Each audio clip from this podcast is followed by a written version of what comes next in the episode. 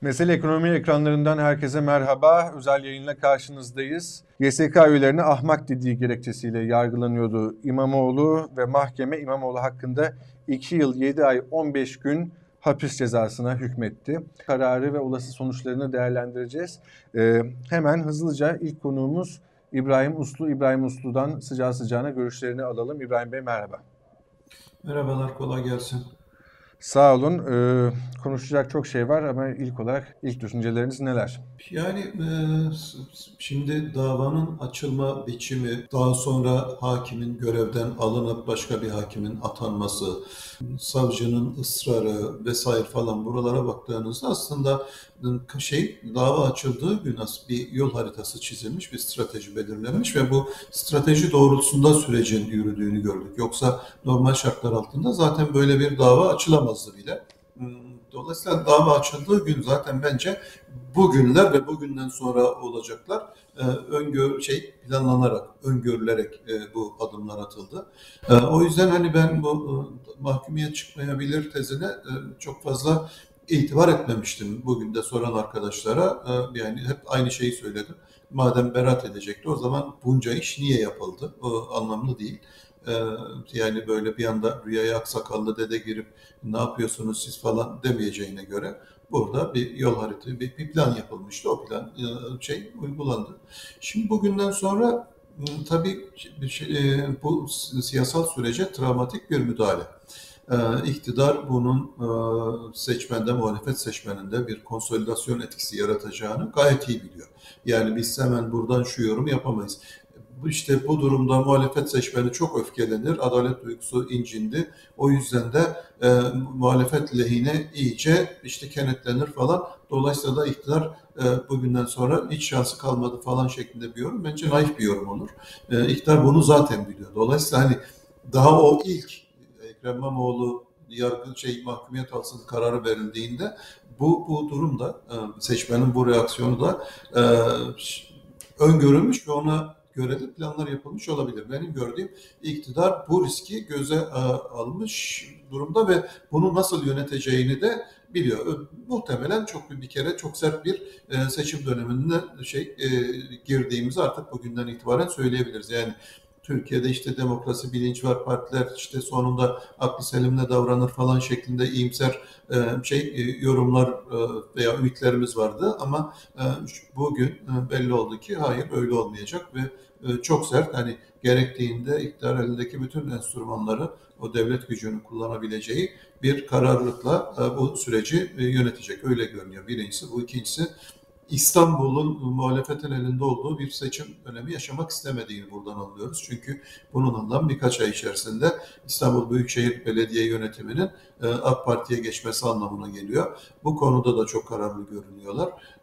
Şimdi bugünden sonra evet temiz süreçler falan var ama burada kararı böyle alıp temyize, e, beratına karar verilme olasılığında ben işin doğrusu e, çok fazla güçlü görmüyorum. E, bir de enteresan bir şey var yani şimdi hani bu, bunu görmemek biraz şey olur, saftillik olur.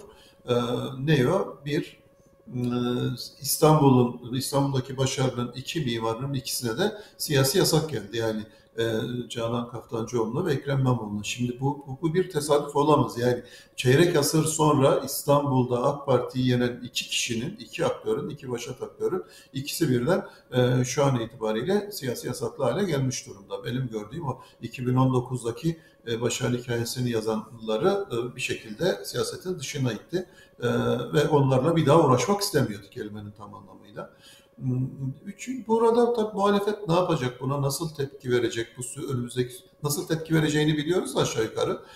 Bu önümüzdeki süreci nasıl yönetecek, kendi arasındaki işbirliği ve dayanışmayı ne ölçüde şey pekiştirecek, yoksa bir süre sonra olayın sıcaklığı geçtikten sonra yeniden parti içi gündemlerine dönüp kendi parti zaviyelerinden mi siyaseti yorumlamaya ve siyasal pozisyon almaya devam edecekler? Bunları da birlikte göreceğiz. Bence o da kritik bir şey rol oynayacak. Muhalefet burada şu ana kadar mesela şey çok stratejik davranmadı. Yani evet makul işler yaptı belki işte masayı oluşturdu vesaire falan ama şeyle bir stratejik şey davranış şekli içerisinde olmadığını gösteren çok sayıda da gelişme yaşandı. Yani muhalefetin biz bir şey arasındaki işbirliğinden daha çok muhalefetin kendi arasındaki tırnak içerisinde didişmeleri de tartıştık. Ee, ve onlar daha fazla gündem oldu. Hele bu son zamanlarda bu didişme şeyi e, tarzı, tavrı e, daha e, şey sık gündeme geldi. Bugünden sonra muhalefetin e, nasıl bir süreçle karşı karşıya olduğunu bence iyi idrak etmesi e, ve ona uygun e, bir tutum ve pozisyon alması gerekiyor. Bu seçim eğer muhalefet tarafından kazanılacaksa e, aday üzerinden kazanılmayacak. Bu birliktelik üzerinden kazanılacak bir şey. E, bu birlikteliği muhafaza edemediği zaman e, muhalefet tek tek isimler ne kadar yetenekli ve seviliyor olursa olsun şey rekabet edemezler. O yüzden önemli olan birlikteliktir, bir arada durmaktır, güç birliğidir. Birlikte mücadele edebilme iradesi ve inancıdır. O olmadan e, şey e, hiçbir aday e, tek başına bu süreci tersine döndüremez. Şimdi bu şey bir kere de ortaya çıktı. İktidarın bu konudaki kararlılığı da artık şey su götürmez bir realite olarak hepimizin önünde duruyor. Bir an önce muhalefetin bence şey oturup yol haritasını netleştirip artık bundan sonra çatlak farklı sesleri çıkarmayı bırakıp e, şey bütün kendi içindeki rekabet ya da tartışmaları bir süre sonraya tehir edip e, bugünden sonra e, şey önceliğimiz bir tek önceliğimiz var deyip parti menfaatlerini bilmem nelerini falan tamamen askıya aldık. Tek bir amaç için bir aradayız. Türkiye'de demokrasinin yeniden tesis edilmesi deyip bence bir şey ortak adayla bir manifesto gibi şey yola çıkması lazım. E, merkezinde üzerine düşen e, gereken fedakarlıkları e, yapması lazım. Bugün yapılmayacaksa bu, bundan sonra bir daha yapabilecekler bir fırsatları olmayabilir. Onu da akıllarından çıkarmasınlar. Evet, çok haklısınız gerçekten. Olay baş, bambaşka bir boyuta ulaştı artık. Ee, yani ufak tefek çeşitli anlaşmazlıklarla e, muhalefet içerisindeki sizin de söylediğiniz gibi tırnak içerisindeki didişmeleri e, kimsenin ne tahammülü var ne izleyecek hali var. E, artık herkesin e, daha e, sert, ciddi, atak bir oyun sergilemesi gerekecek sanıyorum. İbrahim Bey çok teşekkürler değerlendirmeleriniz için. Ekonomist Güldem Atabay ile bu kararı değerlendireceğiz. Güldem Hanım merhaba, hoş geldiniz yayınımıza. Merhabalar Güner Bey, hoş bulduk. İlk hisleriniz, ilk düşünceleriniz neler? Yani çok çok zor bir seçim sürecine girdiğimiz e, iyice netleşmiş durumda. Böylesine mantıksız bence hukuk dışı bir kararı e, alabilmiş olan e, bu hükümete bağlı bir yargı, bu hükümet bu seçim geri sayımında bunu yapan neler yapmaz? Benim aklıma ilk gelen bu cümle oldu. Bu da oldukça rahatsız edici, korkutucu değil ama rahatsız edici. Ee, önümüzde HDP kapatma davası var. Ee, yani buradan da benzer e, bir şekilde e, orada da kapatma davasının e, HDP adına olumsuz sonuçlanacağını düşünebiliriz. E, böyle bir yargı, böyle bir politik davalar olduğunu da biliyoruz. E, dolayısıyla bunlar hani iki tane zaten hukuk içinde görünmeye çalışılıp e, rakipleri bu şekilde elemeye e, amaçlamış kararlardı hukuk dışı olan olabilecekler tarafında endişeleri benim arttı. Herkesin de sanıyorum artması gerekir bu karardan sonra bugün. Evet, az önce e, sizden önce e, İbrahim Uslu'yla da aynı şeyi konuşuyorduk. Gerçekten artık e, herkesi tedirgin edecek şekilde sert bir e, kampanya, e, seçim kampanyası dönemine girdiğimiz ayan beyan ortada. Peki az önce İbrahim Bey'le de konuştuk. Size de aynı soruyu sorayım. İmamoğlu'nun e, saat 4'te herkesi Saraçhane'ye çağırmasından sonraki zaten bu artık davanın e, paralelinde bir siyasi mitinge dönüşmüş durumda. Ama hızlıca İyi Parti Genel Başkanı Meral Akşener'in e, ben de arabaya atladım geliyorum Saraçhane'de görüşürüz demesi ve sonradan gelmesi e, e, bunu e, muhalefet içerisinde Akşener'in yaptığı e, bu hamleyi nasıl değerlendiriyorsunuz ve muhalefet içerisindeki dinamikleri Değiştirir mi sizce bu gelişmeler? Muhalefet içindeki dinamikleri değiştirebilir, iyi yönde değiştirebilir. O uzun zamandır e, şikayet ettiğimiz ya da gözlemlediğimiz dağınıklık e, ortadan kalkması çok daha hızlı olacaktır. O zemin var şu anda. E, eğer Millet İttifakı böyle bir olaydan sonra çok daha güçlü tek sesle bu mesajları veremeyecekse, birlik mesajı bakın biz bu göreve talibiz, bunlar olmayacak işler, bu Türkiye tarihinde görülmemiş şeyler e, mesajını veremeyecek ise zaten e, seçimde olan iddiasını kaybedecek. Dolayısıyla ben öyle bir savrulmayı hiç hiç beklemiyorum. Aksin, aksine e, Akşener'in yola çıkması, Sayın Akşener'in yola çıkması, Sayın Kılıçdaroğlu'nun geri dönmesi, e, yani gitmesi neden gitti? Gitmesi gitti. Toplantısı vardı gitti ama geri dönüyor özel uçakla. Bunlar çok önemli mesajlar. E, beraber o mitingde olacaklar ya da arkasında duracaklar ya da beraber konuşmalar yapılacak. Bunlar e, hem muhalefet tarafına e, güç verecek çünkü büyük bir haksızlık yapılmakta hukuk yoluyla, hukuka uygun adaletmiş gibi gösterilerek e, bir siyasi rakip elenmekte. E, işin gerçeği bu. Dolayısıyla ben muhalefetin e, Millet İttifakı'nın altılı masa bileşenlerinin ve hatta altılı masa dışındaki e, diğer ittifakların bundan sonra ortak açıklanacak ve hızla açıklanması gereken e, Cumhurbaşkanlığı adayı arkasına daha e, sıkı bir şekilde toplanacağını düşünüyorum. HDP de buna dahil, diğer partiler de buna dahil. E, hem altılı masa hem altılı masa dışı ve hani e, görebildiğim kadarıyla Kılıçdaroğlu şu anda çok daha önde adaylığı netleşmiş bir şekilde ortaya çıktı. E, İmamoğlu'na verilen haksızlık yapılan haksızlığından da o rüzgarı Kılıçdaroğlu alıp götürecek e, potansiyelde görüyorum ben. E, gazeteci Erdal Sağlam da şu an e, bağlantıyı yaptı arkadaşlar. E, onu da alalım. Hoş geldiniz yayınımıza. Merhaba, herkese merhaba. İstanbul'da sular ısındı. Siyasetin e, sıcaklığı giderek arttı. Ankara'ya geldi mi bilmiyorum bu sıcaklık. Orada nasıl görüyorsunuz e, muhalefetin içerisindeki dinamikleri ne şekilde etkiler? İlk olarak az önce Güldem Hanım'a sorduğum soruyu da size yönelterek başlayayım. Evet yani seçim sürecini başlatmış oldular bence. Hep e, diyorduk işte lider bekleniyor, açıklansın. Seçim süreci başlıyor, başlamıyor. Bence e, bu, bu hararetli bir başlangıç e, olarak görülüyor. Biraz önce Cumhuriyet Halk Partisi yöneticilerini dinledim. E, çok e, kızgınlar ve çok sertler ve e, özet olarak söyledikleri tabii ki e, bizi provoke etmek istiyorlar bu tür şeylerle diyorlar. Bir sonucu da e, sokaklarda şeyin artmasını istiyorlar. Ama biz normal e, şeyin içinde kalacağız ama sokakları da meydanları da ihmal etmeyeceğiz diyorlar. Bu siyasetin iyice kızışacağını gösteriyor e, açıkçası. E, yani baktığınız zaman herhalde e, sağduyulu hiç kimse e, böyle bir cezanın gerekmediğini, e, efendim YSK üyelerine dönük bir hakaret olmadığını, olsa bile bu tür bir şey olamayacağını, ceza verilemeyeceğini, verilen cezanın bile, e, süresinin bile e, 4 yıl e, işte e, bir, bir ay istenmişti. 2 yıl 7 ayla e, bütün yasaklara sokacak biçimde bilinçli olarak e, böyle bir şeyin cezanın verildiğini herhalde sağduyuyla herkes görüyordur. E, ikinci e, belediye seçimleri tekrarlanmasında olan şey olacaktır. E, sanıyorum bazı AKP'liler de söylüyor. Böyle bir karar AKP'nin sonunda le- aleyhine olacak bir şeydir. Ama niye aldı denildiğinde ilk akla yakın şeylerden biri e, seçimlere girilirken İstanbul Büyükşehir Belediyesi'nin e, yönetimini almak gibi gözüküyor gerekçe.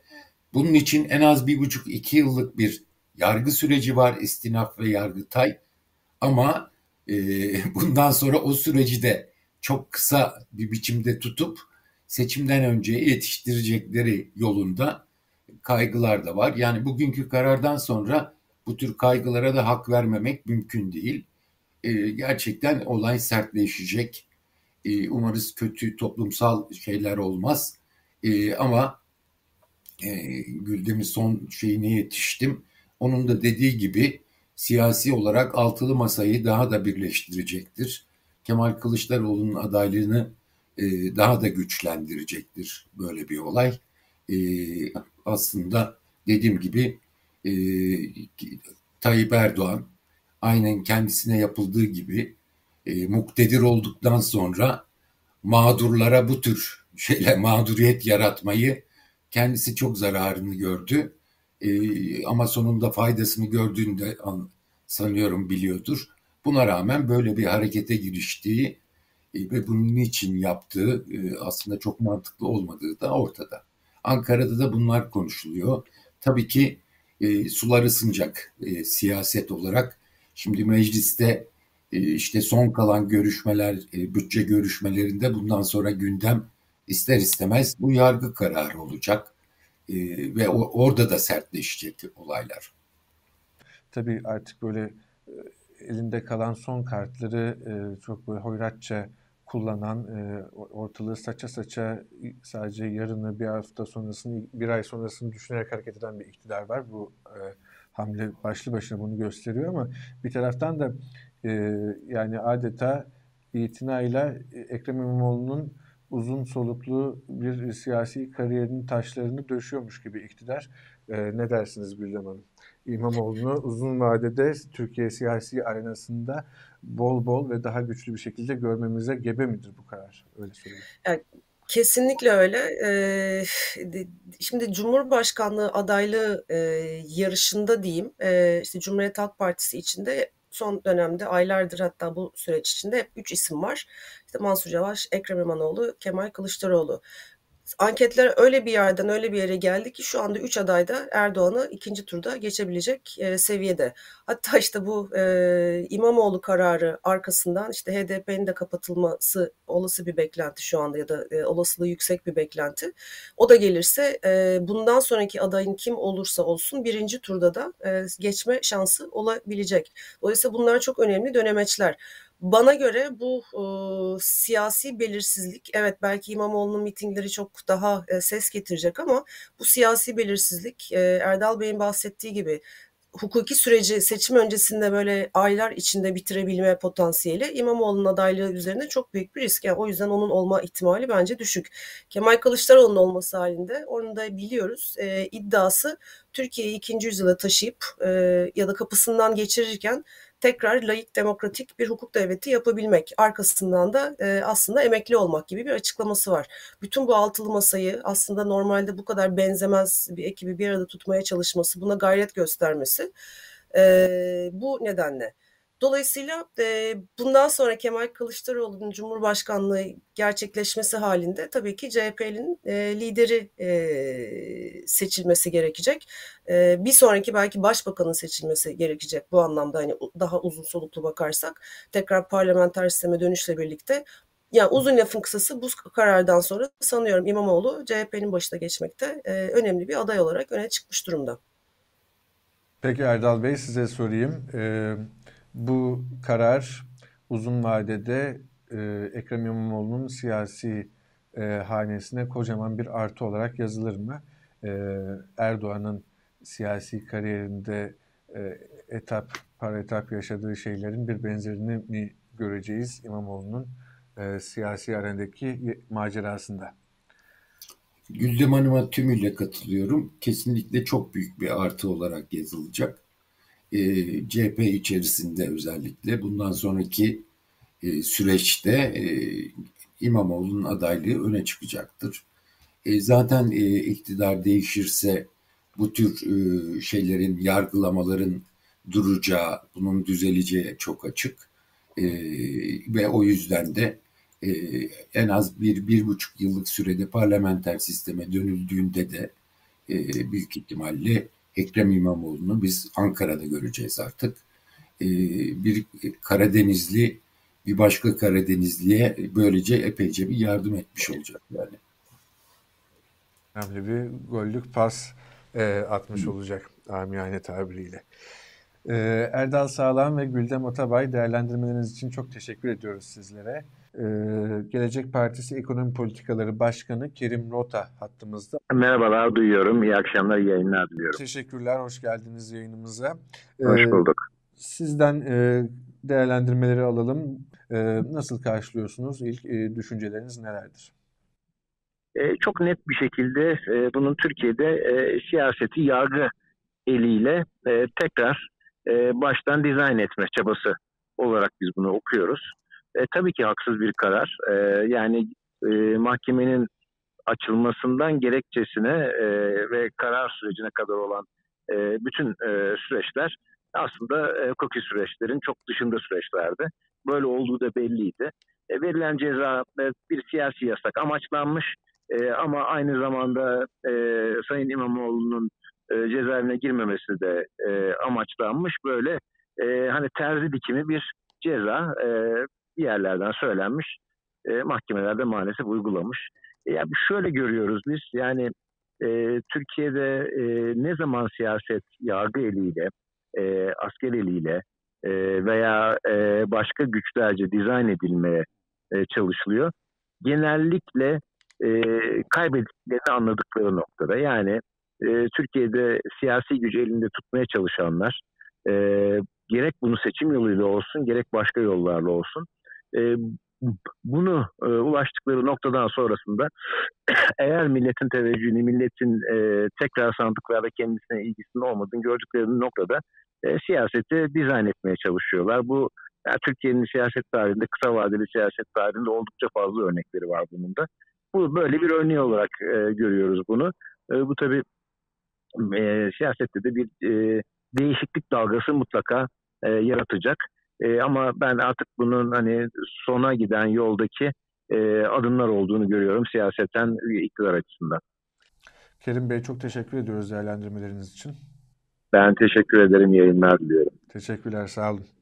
Ee, Deva Partisi Kurucular Kurulu üyesi Ömer Rifat Gencal. Ee, Ömer Bey beni duyabiliyor musunuz? Duyabiliyorum. İyi akşamlar diliyorum bizi dinleyenlere de. İyi akşamlar. Hoş geldiniz yayınımıza. Sağ olun. Ee, siz nasıl karşıladınız? İlk değerlendirmeleriniz nelerdir bu kararı? Hakimler e, açıkça arkalarında yazan e, adalet mülkün temelidir yazısına bakmaktan ziyade saraya bakarak e, maalesef bu konuda bir karar verdiler. Karar tamamen siyasidir. E, toplum vicdanında herhangi bir şekilde sindirilemeyecektir.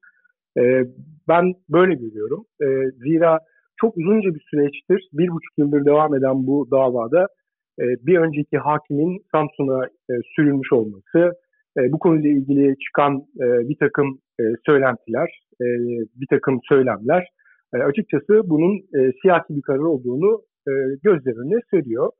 E, o nedenle e, Türkiye'de e, hukukun bugün itibariyle artık e, iyice e, ayaklar altına alındığını, hassas haline getirildiğini söylemek. E, bu konuda aslında bundan sonra söylenecek çok fazla bir şey yoktur. E, önümüze bakacağız. E, şunu söylemekte fayda görüyorum ben. E, istinaf yolu açıktır. İstinaf yoluyla e, sonuçta bu yargı süreci e, tekrardan temize gidecektir. E, bu süreç içerisinde de her hayırda bir şer vardır. Her şerde bir hayır vardır diyorum. E, bu e, yolun sonu hayırdır. Ben e, açıkçası e, bu kararla toplum nezdinde, toplum vicdanında e, özellikle adalet duygusunun bu kadar örselendiği bir ortamda e, ben e, Adalet ve Kalkınma Partisi'nin e, MHP ile kurmuş olduğu Cumhur İttifakı'nın e, aslında bir dönemeç noktasında olduğunu, bugün seçimleri kaybettiğini görüyorum. Bunu çok net bir şekilde e, ifade edebilirim. E, zira e, insanların e, adalet duygusuna, insanların e, adalet konusundaki inançlarına bu kadar ciddi derecede sekte vuran bir karar, e, özellikle de hakimiyetin, milletin kayıtsız, şartsız e, hakim olduğu bir ortam e, söz konusu iken, olması gerekirken, e, adaletin bu kadar örseleniyor olması e, açıkçası Adalet ve Kalkınma Partisi ve MHP'nin, Cumhur İttifakı'nın e, bugün itibariyle aslında sonunun geldiğinin ilk başlangıç noktası diyebilirim. Ömer Bey çok teşekkürler değerlendirmeleriniz için. Ağzınıza sağlık. Evet, İmamoğlu'nun konuşmasını dinledik. Gerçekten tarihi bir konuşma, tarihi bir gün, tarihi bir konuşma diyebiliriz. Ee, konuğumuz şimdi İbrahim Uslu ile değerlendireceğiz. Son olarak çok kısa bir iki cümleyle şunu sormak istiyorum. Tabii şimdi biraz şartlar öyle denk gelmiş oldu. Ee, olayın hemen akabinde, olay çok sıcakken ve seçmenin, muhalif seçmenin e, duygusallığı, duygu yoğunluğu kararın hemen akabinde çok yüksekken e, İmamoğlu'nun o konuşmasında Saraçhane'deki o görüntüde İmamoğlu'nun yanında İyi Parti Genel Başkanı Meral Akşener olmuş oldu. Ve o fotoğrafta o verilen unutulmayacak bu tarihi günde, bu tarihi konuşmada Kemal Kılıçdaroğlu orada yok.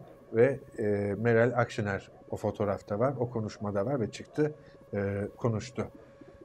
Bunu nasıl yorumluyorsunuz? Bunun seçmen nezdindeki o hafızalarda kalacak görüntünün sonuçları ne olur sizce? Kısaca bu, bunu sorayım. Sayın Kılıçdaroğlu açısından bir talihsizlik tabii. Bu aslında bu davanın bugün işte şey sonuçlanma olasılığı vardı belli ki. Ee, şey e, yani CHP'nin hukukçuları e, bu konuda farklı bir değerlendirme yaptılar e, benim tahminim. O yüzden de yani şey e, Sayın Kılıçdaroğlu bugün bir karar çıkmayacak varsayım altında Almanya'ya gitti. Fakat e, sonrasında dava başlayınca durumun öyle olmadığı anlaşıldı. O yüzden de bugün Almanya'da işte planlanan, programlanan e, görüşmeleri e, hiçbirini yapamadı. E, arkasından da geri dönüş kararı alındı ve şu an geri dönmeye geri dönüyorlar muhtemelen. Şey geri dönüş yolundalar. Büyük bir talihsizlik hakikaten. Bu şeyde bugün Saraçhane Meydanı'nda olsaydı elbette ki meydanın enerjisi ve oranın otobüsün üzerinin e, siyasal gücü çok daha yüksek olacaktı. E, Meral Hanım ama e, şey e, o eksikliği orada olarak e, şey gidermeye gayret etti. E, diğer altılı masa liderleri de gidemediler. Yani çok anlık bir gelişme olunca her birinin farklı programları vardı. Sayın Davutoğlu'nun oraya ulaşmaya çalıştığı söyleniyordu ama en azından şey konuşmalar bitinceye kadar e, Sayın Davutoğlu oraya varamadı muhtemelen eğer hani geliyorum şuradayım falan şeklinde bir bilgi gitmiş olsaydı eminim ki e, ne Sayın Akşener ne de Kılıçdaroğlu o mitingi başlatmazlar. Sayın Davutoğlu'nun gelmesini de beklerlerdi. Demek ki onun da gidemeyeceği şey anlaşıldı. O yüzden e, şeye çıktılar. İkisi birden otobüsün üzerine çıkıp konuşmalarını yapmak durumunda kaldılar. E, keşke birden fazla yani şey Sayın Akşener'in yanı sıra diğer liderler de orada olabilseydi. Ama e, Sayın Akşener e, benim e, şeyim kanaatim e, tamamını bütün liderleri orada e, altılı masa adına temsil etti. İyi ki oradaydı. Yoksa Sayın İmamoğlu kürsünün tek başına kalmış olsaydı o da çok şey e, bence sıkıntılı bir görüntü olurdu. E, iyi ki Sayın Akşener oradaydı. Çok teşekkürler. Dediğiniz gibi artık bugünden sonra Türkiye siyaseti eskisi gibi olmayacak. Görünen o ki konuşulacak da çok malzeme olacak. Biz de sizinle yaptığımız haftalık programlarda epey dolu bir gündemi değerlendirmeye çalışacağız tahmin ediyorum. Sizinle başladık canlı yayınımıza. Sizinle bitiriyoruz. Ağzınıza sağlık değerlendirmeniz için çok teşekkür ederim. Ben teşekkür ederim. Hayırlısı olsun. Hayırlısı olsun. İyi akşamlar. Ee, bizi izlediğiniz için çok teşekkür ediyoruz. Önümüzdeki günlerde gelişmeleri size aktarmaya devam edeceğiz. Herkese iyi akşamlar.